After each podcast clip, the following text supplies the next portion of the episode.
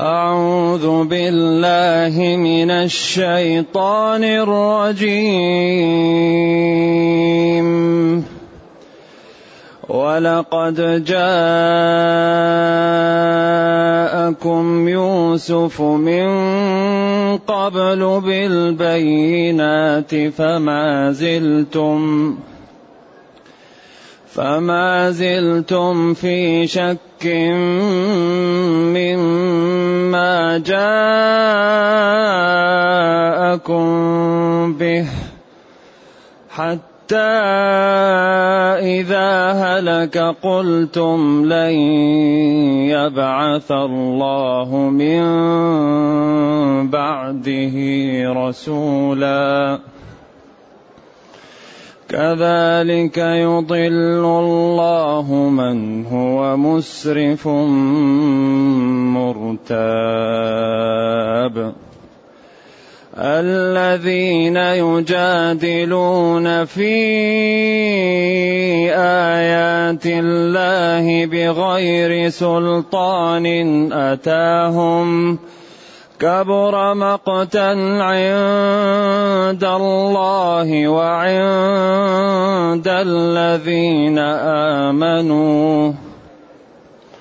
كذلك يطبع الله على كل قلب متكبر. كذلك يطبع الله على كل قلب متكبر جبار. وقال فرعون يا هامان ابن لي صرحا لعلي أبلغ الأسباب. أسباب السماوات فأطلع إلى إله موسى.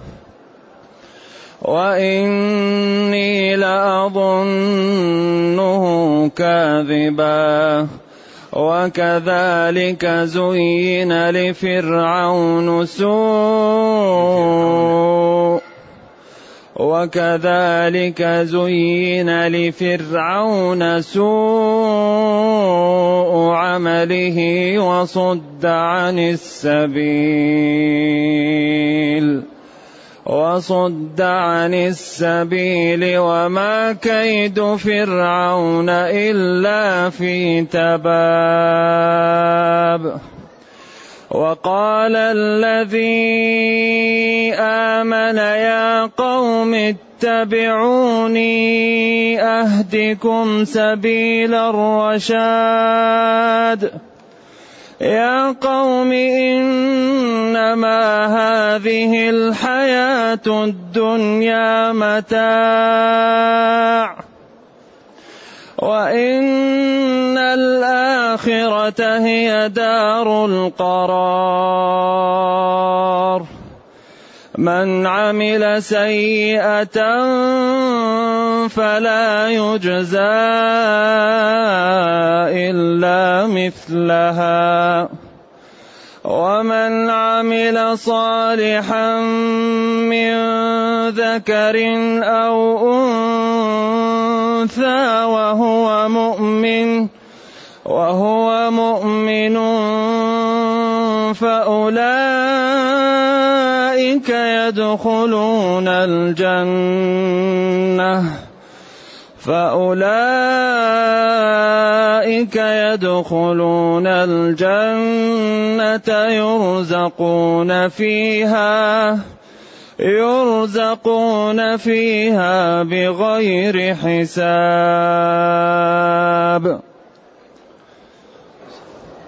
الحمد لله الذي أنزل إلينا أشمل الكتاب وأرسل إلينا أفضل الرسل وجعلنا خير أمة خرجت للناس. فله الحمد وله الشكر على هذه النعم العظيمة والآلاء الجسيمة والصلاة والسلام على خير خلق الله وعلى آله وأصحابه ومن اهتدى بهداه. أما بعد فإن الله جل وعلا يبين أن ما عملته القبط مع موسى عملوه مع يوسف ولقد جاءهم يوسف من قبل بالبينات. أي من قبل موسى. أيوة. ولقد جاءكم يوسف من قبل بالبينات. إذا أنتم ناس أصحاب تكذيب وأصحاب ضلال وليس هذا في الأنبياء لأن الأنبياء تأتي بالحجج والأدلة والبراهين. لكن المشكلة فيكم أنتم لأن الرسل لا بد أن تأتي بالمعجزات.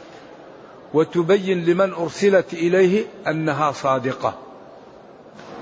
كل رسول يعطى ما به ييقن قومه أنه مرسل. ما يبقى إلا التكذيب.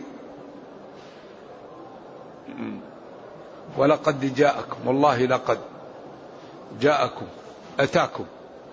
يوسف نبي الله بن يعقوب بن إسحاق بن إبراهيم. من أفضل البشر ومن أجمل البشر. ومن الناس الذين يحتذى بهم يقتدى بهم. أعطاه الله من الجمال والحسن وابتلي وتعلق به أبوه.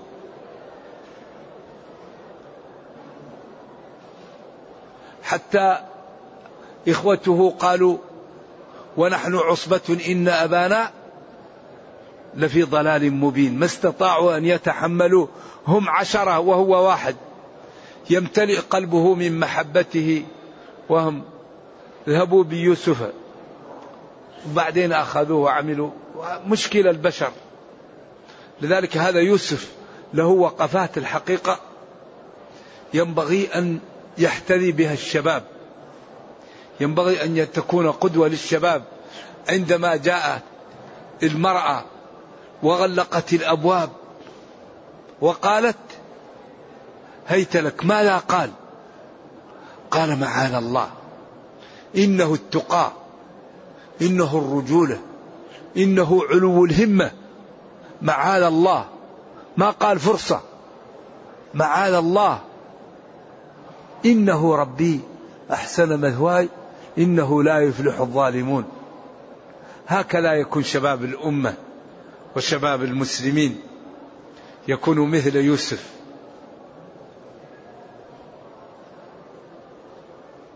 ولقد جاءهم هذا النبي الكريم ابن الكريم ابن الكريم بالبينات. قد جاءكم أيها المخاطبون وهم هؤلاء لأن آباءهم كانوا على أتباعهم وعلى طريقتهم. فما حصل لهم هؤلاء يرضوه فكأنهم فعلوه. بالأدلة الواضحة التي لا لبس فيها فما زلتم في شك وعدم قبول مما جاءكم به حتى إذا هلك. إلى أن مات. وأنتم في نفوسكم شيء مما أتاكم به لا تصدقون. وهذا السياق يدل على أنهم لم يؤمنوا كفار. قلتم استبشارا لن يبعث الله من بعده رسولا. لا يأتينا رسول بعد هذا إن شاء الله وما يأتينا أحد.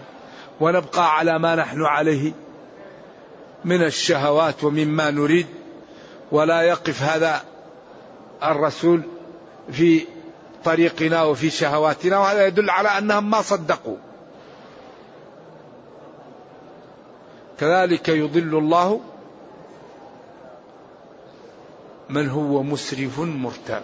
كذلك مثل هذا الإضلال الذي ضل به هؤلاء يضل الله ويسلك بهؤلاء من هو مسرف على نفسه. لا يصلي لا يصوم لا يترك الحرام لا يؤمن بالقيامة ولا يؤمن بعظمة الله ولا يؤمن برسله أنهم مبلغون عن الله مرتاب. مسرف على نفسه في المعاصي مرتاب في الإيمان وفيما جاءت به الرسل. فالذي هذه حالته الله يضله. ولذلك هذه النصوص وهذه الأدلة وهذه الحجج هي تزيد الضال ضلالا. كما أنها تزيد المتقي تقا وإذا تليت عليهم آياته زادتهم ايمانا. لكن هذا القرآن إذا قرئ على الضلال يزيدهم عمى ما لا قال آنفا. ولذلك قال والذين لا يؤمنون في آذانهم وقر وهو عليهم عمى أولئك ينادون من مكان بعيد عياذا بالله للدخول في النار حتى يتألموا. أي مثل هذا الإضلال ومثل هذا أعوذ بالله البعد عن الحق يضل الله ويبعد عن الحق من هو مسرف على نفسه مرتاب. إذا من أكثر ما يوبق الناس الإسراف والارتياب. والإسراف لا ينبغي. لذلك الدين مبني على الاعتدال. لا يسرف. ولذلك قال ولا تسرفوا إنه لا يحب المسرفين. الذين إذا أنفقوا لم يسرفوا. كما أنه لا ينبغي التقتير ولا ينبغي ولكن بين ذلك قواما. فهذه الشريعة مبنية على الاعتدال. لا يقبل الرهبنة والانقطاع لا. ولا يقبل التفكك من الدين والانحلال والانغماس في إيش؟ في الشهوات. لكن لربك عليك حق. ولأهلك عليك حق. ولزورك عليك حق. فأعط كل ذي حق حقه. دين الاعتدال. ذلك لما جاء بعض الصحابة وسألوا أمهات المؤمنين عن عمله. فتقالوه قالوا هذا رجل غفر له ما تقدم من ذنبه وما تأخر. ونحن. قال أحدهم والله لا أنام الليل. ثاني قال والله لا أفطر النهار. الثالث قال والله لا أتزوج النساء. قال أنتم الذي قلتم؟ قالوا نعم. قال والله إني لا أعلمكم بالله وأخشاكم وأتقاكم له. أما أنا فأصوم وأفطر وأصلي وأنام. وأتزوج النساء فمن رغب عن سنتي فليس مني. هذا دين الاعتدال. ولذلك كان عبد الله بن عمرو بن العاصي في شبابه قال والله لا أنام الليل ولا أفطر النهار.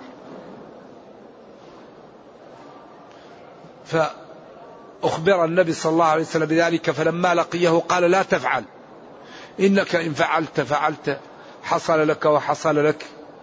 حتى إذا كبرت سنه قال ليتني قبلت رخصة رسول الله صلى الله عليه وسلم. قال له صم من الشهر ثلاثة أيام. وافعل وافعل. قال أطيق أكثر من ذلك. فلما كبرت سنه ثقل عليه الأمر. قال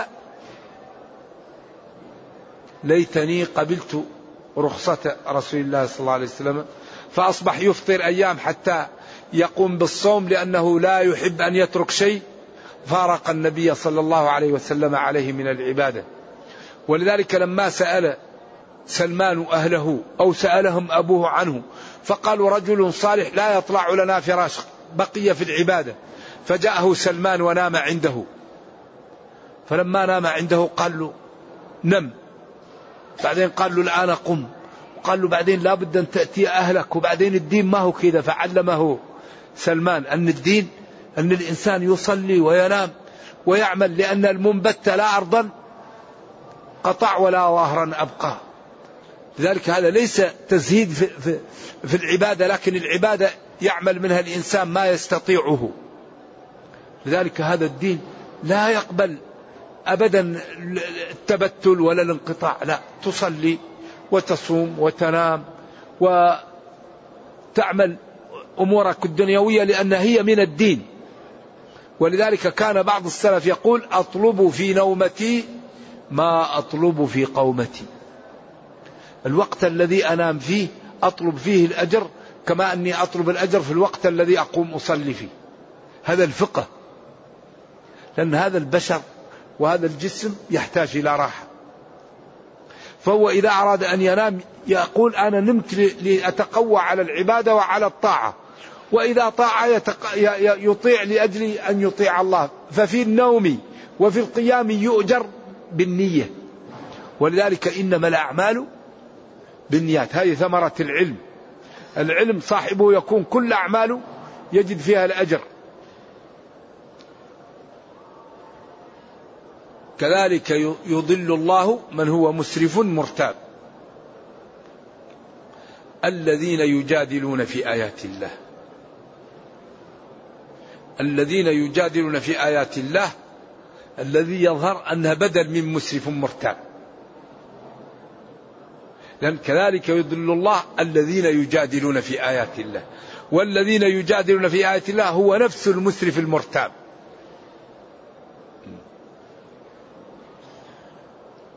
يجادلون في حجج الله وبراهنه من غير سلطان أتاهم. من غير حجة ولا برهان وإنما هو بالكذب والسوف سترائية ومن غير دليل كبر عظم مقتا كراهية عند الله. كبر مقتا وعند الذين آمنوا.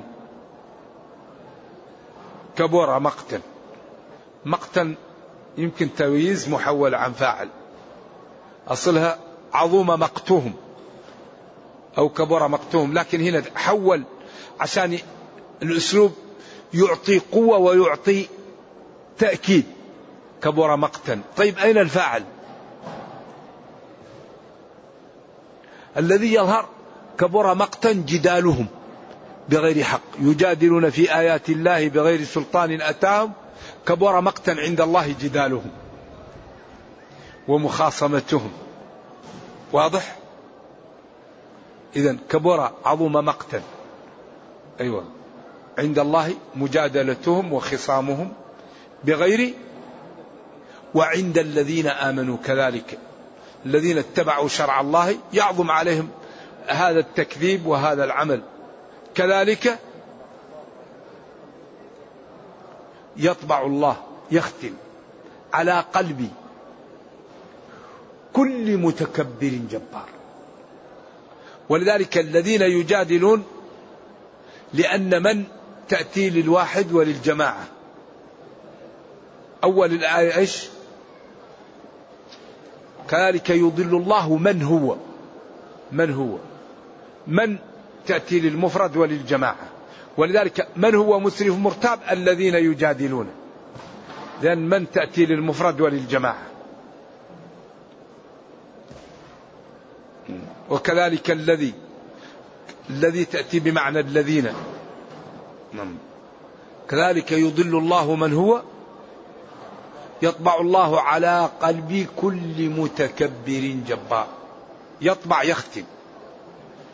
أيوة يطبع الله على كل قلب متكبر جبار. إذا المتكبر الجبار قلبه دائما يطمس عليه يطبع عليه يختم عليه. فإذا قلت له اتق الله لا تجد منفذ لأنه مختوم. وإذا رأى أهل الضلال وقعوا في الورطة لا ينفذ الوعظ لقلبه لأنه مختوم عليه. وهذه المشكلة أن المتكبر الجبار دائما يكون قلبه عليه عليه سياج فلا تصل الموعظة ولا تصل العبرة ولا يصل شيء فيبقى على ذلك حتى يهلك فيقع في الورطة. ولذلك أخطر شيء على المسلم قساوة القلب. ولذا ينبغي للمسلم أن يخاف من قساوة القلب. لذلك الأتقياء الأمور يحذرها من بدري لا يقرب الحرام لأن الحرام يقسي القلب. ولذلك قال الحلال بين والحرام بين. فأصحاب الفضل المشتبهات لا يقربها من أكبر أسباب قساوة القلب أكل الحرام. أكل الحرام هذا يقسي القلب. المعاصي تقسي القلب. الغيبة تقسي القلب.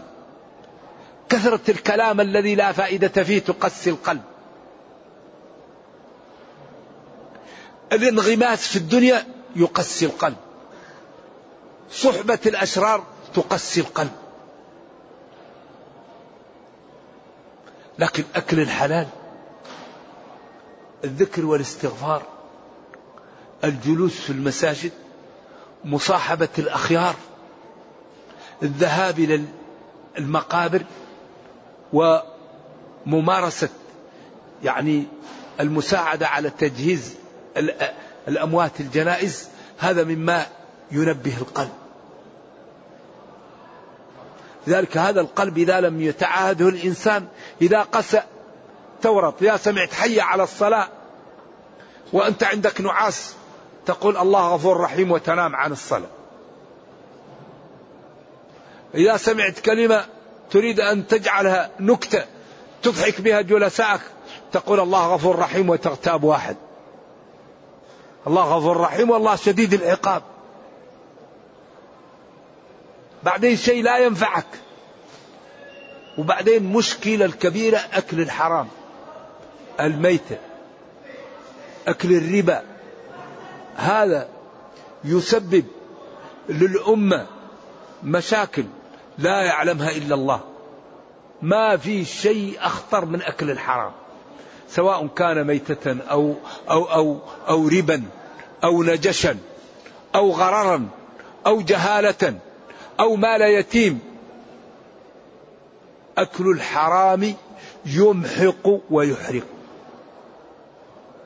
فلذلك ينبغي أن نتنبه للطرق التي تجعل قلوبنا تكون لينة فنقبل الطاعة ونبتعد عن الحرام.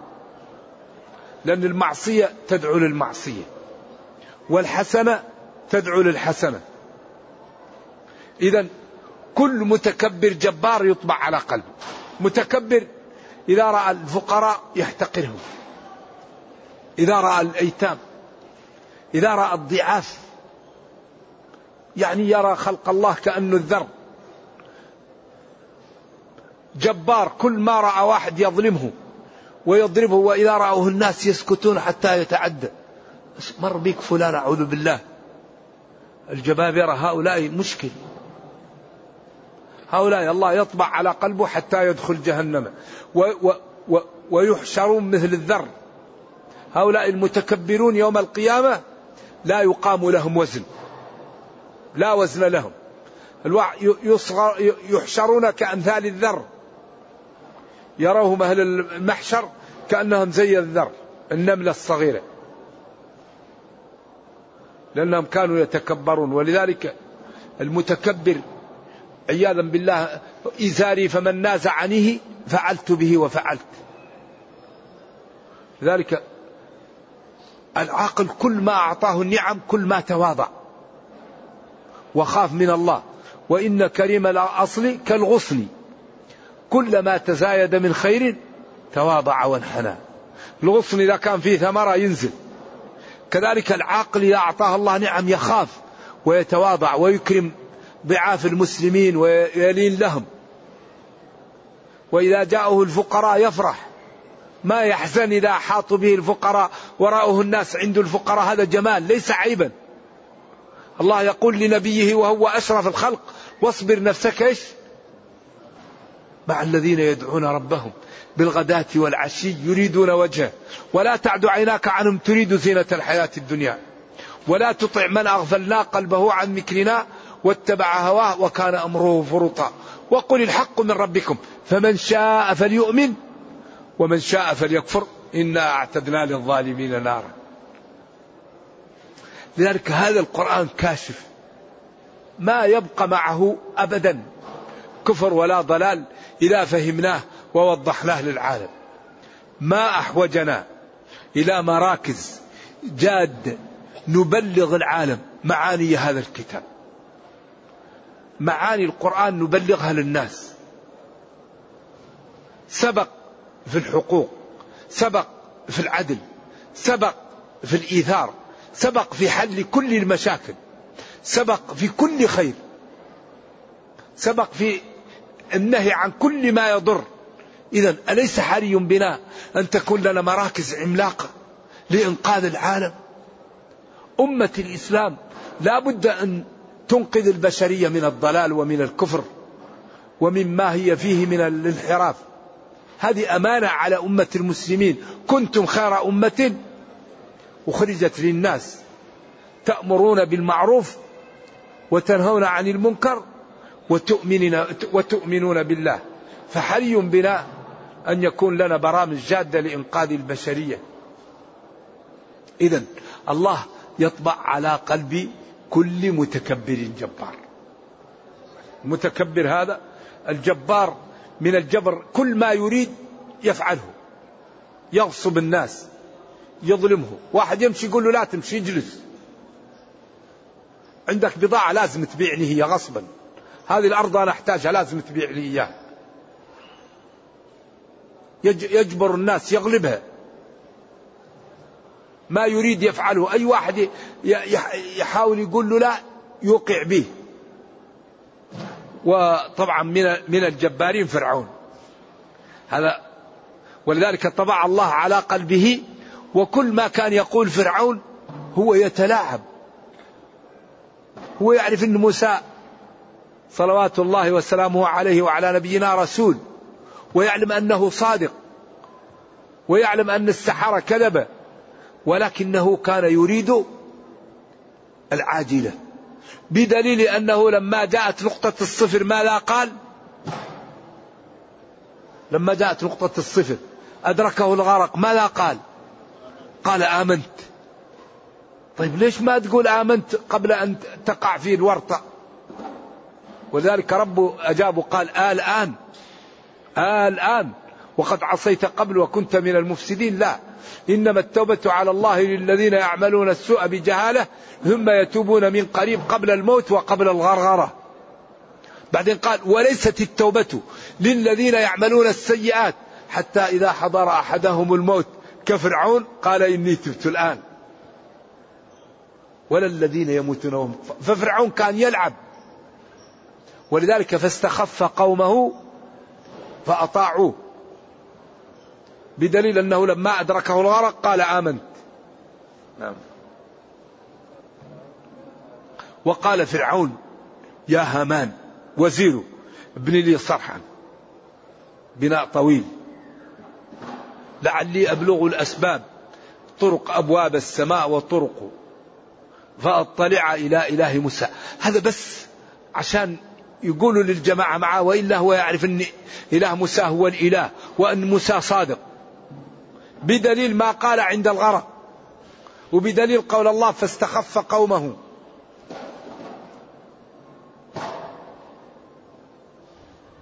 يا همان وزير ابن لي صرحا. بنا طويل. فأطلع فيه. لعلي أطلع إلى إله موسى هذا وأعرف إيش هو. وإني لأظنه كاذبا. أعتقد أنه كاذب. وكذلك مثل ما زينا لكفار قريش الكفر زينا لفرعون ومن معه الكفر. آه. نعم. وكذلك زين لفرعون سوء عمله. ما فيه من الكفر. عياذا بالله طبع عليه وراء الضلال حقا. وصد عن السبيل وصد عن السبيل. صد هو عن السبيل وصد هو عن السبيل. صد هو نائب فاعل صد هو فاعل. وكل قراءة سبعية. وما كيد فرعون؟ إلا في دمار ضياع هلاك خسار. رجع الكلام إلى صاحب القبطي الذي آمن. وهؤلاء قومه يريد أن ينقذهم ولكن الذي يضله الله لا هادي له. وقال الذي آمن يا قوم اتبعوني. أهدكم إن تتبعوني أهدكم جواب الطلب. سبيل الرشاد الحق. سبيل الذي قوي لا لبس فيه ولا عوج وإنما إذا ذهبتم معه تصلون إلى النجاة. يا قوم اتبعوني أهدكم وأوصلكم إلى طريق الرشاد والنجاة. يا قوم هنا لم يعطف لأنه بدل منه متعلق به. إنما هذه الحياة الدنيا متاع.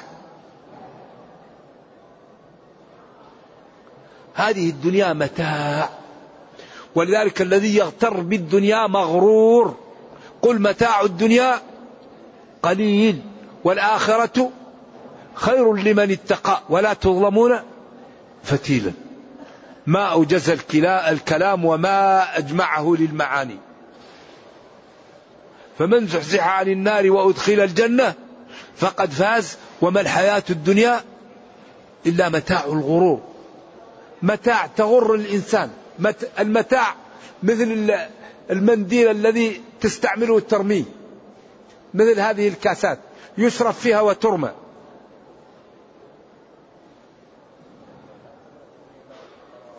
وإن الدار الآخرة الآخرة أي الدار الآخرة هي دار القرار الدائمة التي لا زوال عنها ولا محيص عنها فالعاقل هو الذي يبني في المكان الذي لا يتحول عنه. أما الدار الزائلة لا يهتم بها العاقل. وإن الدار الآخرة لهي القرار. هي دار القرار لا الدنيا لا ما أنتم فيه الآن. وهذا فيه رد عليهم. من عمل صالحا؟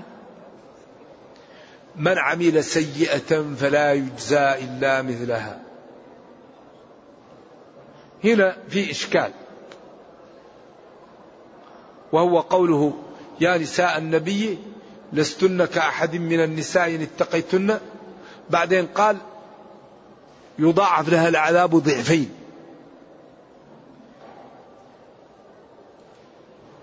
وقال من جاء بالسيئة فلا يجزى إلا مثلها. فهنا في قولان القول أن هذا تخصيص للآية.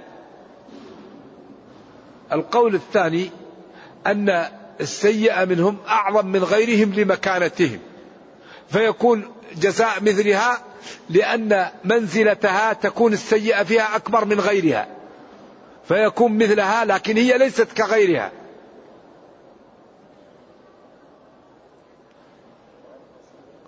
من عمل سيئة فلا يجزى إلا مثلها. في قولان قول أن الآية على بابها ويوار أن نساء النبي لسن, لسن كغيرهن. فالذنب منهم بطبيعته أعظم من غيره فيكون جرمه أعظم لمكانتهم. الأمر الثاني أن يكون هذا تخصيص للآية.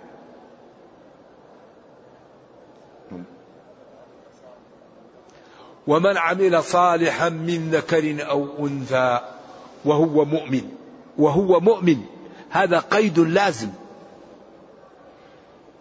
من ذكر أو أنثى. إذا المرأة والرجل في الإسلام مثل بعض. قال إن المسلمين والمسلمات. من عمل صالحا من ذكر أو أنثى. لكن أخذ من المرأة القوامة وعوضها عنها. عوضها عنها لا مهر عليها لا نفقة لا كسوة لا سكنة أخذ منها القوامة وجعلها عند الرجل لأن الله قال للرجال قوامون على النساء وقال وللرجال عليهن درجة. والله لا يسأل عما يفعل.